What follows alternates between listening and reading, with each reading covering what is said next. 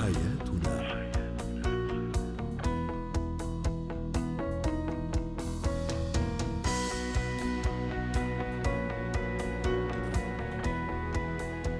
مستمعينا الكرام أهلا بكم. معنا إلى برنامج حياتنا. برنامجكم اليومي الذي يأتيكم عبر إذاعة سكاي نيوز عربية في أبو ظبي ويعنى بشؤون الأسرة وباقي الشؤون الحياتية الأخرى.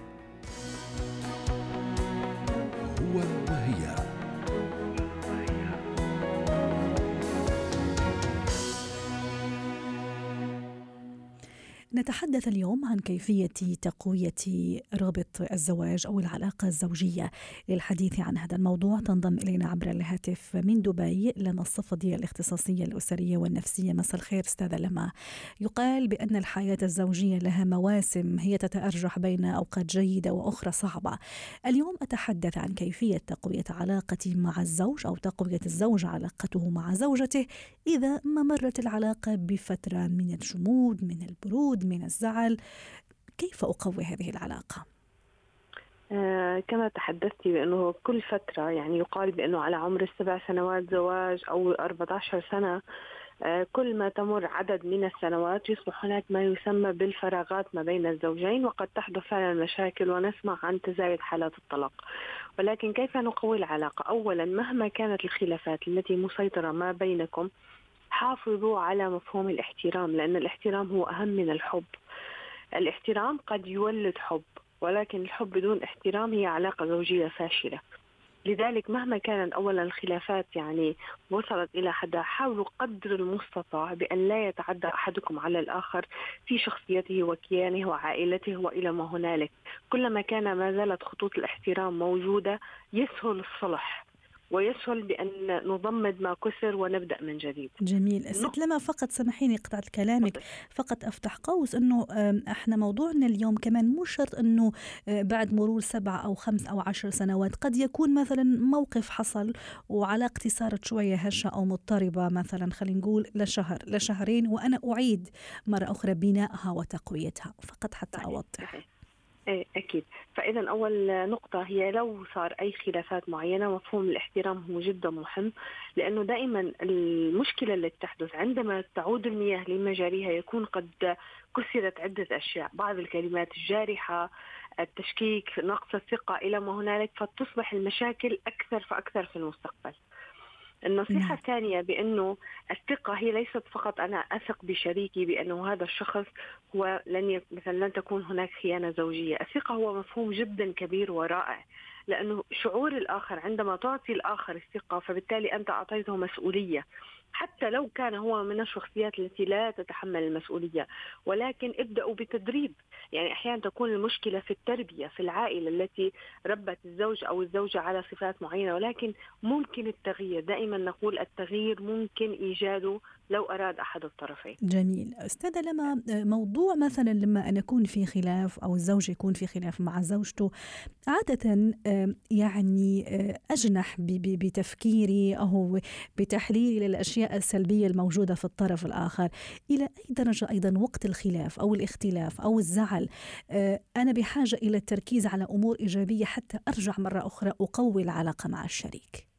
صحيح. وهذا شيء طبيعي. هذا هذه الأمور تحدث في لا وعي عند الإنسان. نحن عندما تتملكنا حالة غضب معينة من الشخص فالجسد والنفس عند الإنسان تبدأ بحمايته، حمايته من الألم النفسي الذي تعرض له، تقوم باسترجاع الأمور السيئة التي أحدثها الشخص الآخر كحماية لنا، لأنه نحن فعلا مظلومون، نحن فعلا تعرضنا للأذى.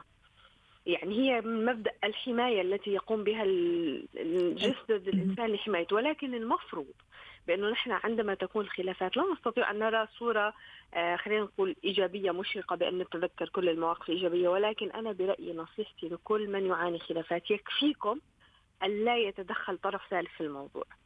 لأنه مجرد الحديث عن المشكلة أمام الآخرين، أنا الآن أستاذ أمل أتحدث لك عن مشكلة مع زوجي، فعندما أقوم بسرد المشكلة يعني سأخبرك بأمور سلبية حدثت في السابق وبالتالي أنا حررت كل ذاكرتي على الأمور السلبية تجاه هذا الشخص. صحيح. اثنين دائما الآراء التي تأتي من الآخرين هي ليست حل لمشكلتي هي تعبر عن أنفسهم. صحيح. يعني أنا ممكن أن أعطيك حل ولكن نابع من حياتي وتاريخي فبالتالي لن يكون مناسب لك ولحياتك وتاريخك. جميل. فإذا هذه نقطة جدا مهمة بالخلافات الزوجية. أيضا وأنت عم تتحدثي ست لما يعني خليتيني كمان أروح لنقطة اللوم. لما أنا بدي كمان أرجع أقوي العلاقة مع الزوج وهو أيضا إلى أي درجة موضوع اللوم هذا ما لازم يعني يكون موجود في كل مرة؟ بالعكس نتخلى عنه ونحاول تدريجيا إنه ما يكون حاضر في كل في كل مواقفنا حتى تلك المواقف المزعجة حتى هذه يعطينا دفع أيضا لتقوية العلاقة. صحيح. اللوم هو دائما مفتاح لمشكلة جديدة لأنه نحن كبشر دائما نكره بأنه أحد يخبرنا بأننا خطاؤون دائما نحتاج دائما أن نسمع كلام إيجابي محفز، إذا كنا نتعامل مع الطفل بهذا الأسلوب ودائما نحيي تصرفه السلبي ونحمده على تصرفه الإيجابي، فما بالك إذا كانت العلاقات أكبر وأنا أشبه حتى الأزواج بعد عمر معين بالأطفال، يعني يصبح كالطفل هو فعلا يحتاج اهتمام ورعاية وحب وتفهم. نعم. لذلك بدأ آه بدل اللوم بس هذه النقطة. بدل اللوم استبدلوه بإضاءة الضوء على التجربة الإيجابية. يعني إذا أيوة. كان زوجي مهمل لا يقوم بأي أعمال في المنزل كمساعدة لي.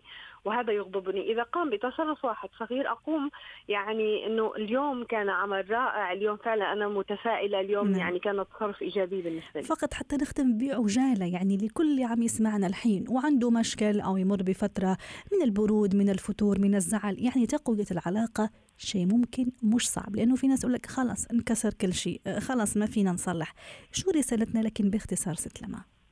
رسالتنا العديد من قضايا الزواج وصلت إلى محاكم الطلاق وربما وصلت إلى اتخاذ قرار الطلاق وعادت منذ البداية وبقصة حب أكبر. دائما لا نقول بأن هناك نهايات، دائما لدينا الفرصة لبدايات جديدة، إذا أردنا، يعني دائما كل الذين وصلوا إلى الطلاق هم أشخاص لم يعني يكونوا يمتلكوا القدرة على التجديد.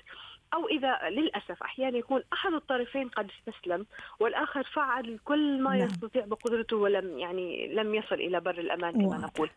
فلذلك يعني البدايات الجديدة متوفرة دائما. شكرا لك أستاذة لما الصفدي الاختصاصية الأسرية والنفسية ضيفتنا من دبي ويعطيك العافية.